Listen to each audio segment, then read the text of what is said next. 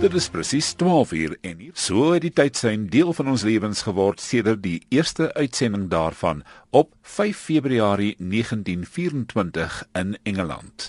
En om te dink voor Greenwich tydsyne het 'n pianis die Westminster Chimes as tydsyne op sy klavier in 'n BBC ateljee gespeel op tyd en later is daar buisklokke in die ateljee geïnstalleer. Dis die voorlopers van die tydsyne.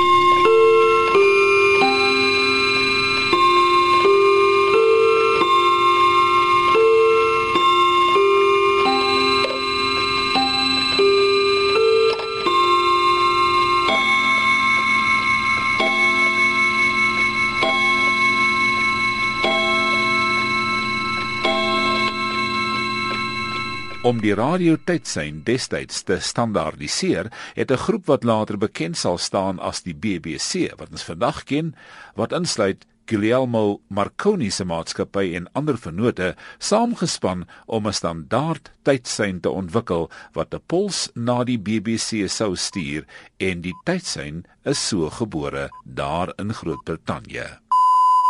Die tydsein bestaan uit 6 stippe of dan in Engels pips vyf kortstippe van 'n tiende van 'n sekonde elk en dan 'n langer een van 'n half sekonde aan die einde. Dit is die 6ste tydstip.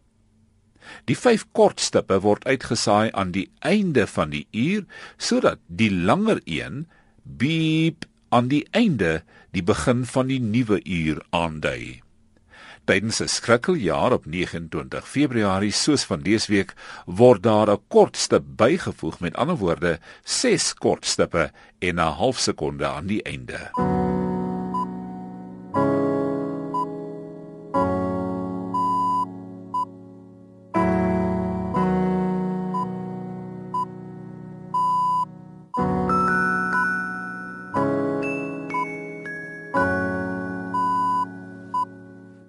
Die tydsein was daagliks uitgesaai sedert 5 Februarie 1924 deur twee meganiese horlosies in die Koninklike Greenwich Observatorium in die Verenigde Koninkryk en was aanvanklik die idee van sterrekundige Sir Frank Watson Dyson en die hoof van die destydse BBC John Reed In Suid-Afrika, soos in ander wêreldlande, het kreatiwiteit ook ingeskop met die skepping van hulle eie tydstippe. Paul Creer is die eerste tegnoloog by die SAIK en hy verduidelik die Suid-Afrikaanse konsep van die tydstip. Ja, die tydsein in Suid-Afrika is oorspronklik het die sterrewag, uh, hulle het 'n kortgolf sein uitgesaai wat die die akkurate tyd uitgesaai het. Dit het net nodig geraak. Ek dink amper dit het in die vroeë 50's begin, ek is nie doodseker nie.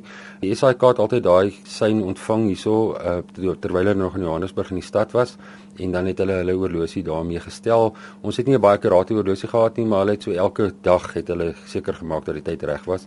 Die stippe self, ons geskuif het na die gebou toe in Auckland Park in 1976 het ons natuurlik die digitale era begin beleef. Dit was daai tyd nou nog net digitale beheer en dit was 'n lynskakeleenheid geontwerp. Die SAK se eie ingenieurs en deel van die lynskakeleenheid het hulle toe nou 'n uh, stelsel ontwerp wat toe nou die tyd kon gedekodeer het en wat vir ons die stippe kon gegee, die ses stippe wat ons elke uur gegenereer het. Dit het ons natuurlik lank gebruik. Ons het nog die kortgolf uitsendings gebruik om seker te maak dat die tyd reg was. Uh die kortgolf uitsendings is gestaak, ek dink hierso omtrent in die vroeë 80s het hulle toe uh die WNR opdrag gegee om die akkurate tyd vir die land te bepaal. Die tegnologie het so verander dat hier in die uh, laat 80s het ons toe nou besluit dat ons gaan 'n uh, 'n uh, oorlosie koop wat homself kan stel wat ou nie meer nodig het om een keer 'n week te kyk of dit reg is en so aan nie. Ehm um, hierso so in die 2000s het ons almal begin om om om GPS te gebruik om die regte tyd te kry. Dit is nou baie maklik. Ons het uh, enigiemand se telefoon kan dit kry. GPS is so beskikbaar.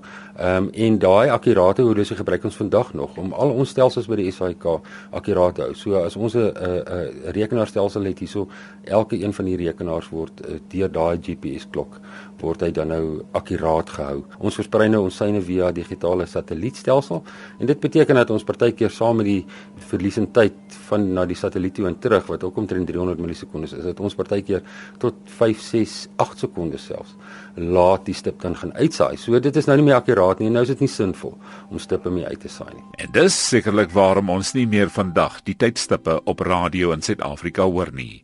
Deur die jongste tegnologie en GPS het ons selfone en slimfone gesinkroniseerde horlosies en die mensdom is nie meer so afhanklik van die radio tydsein nie. Ten spyte daarvan dat die ou tydstippe nie meer korrek uitgesaai kan word nie. Maar ons kan nie ontken nie. Die ou tydsein was vir 92 jaar tot vandag verantwoordelik vir die hartklop van 'n georganiseerde gemeenskap.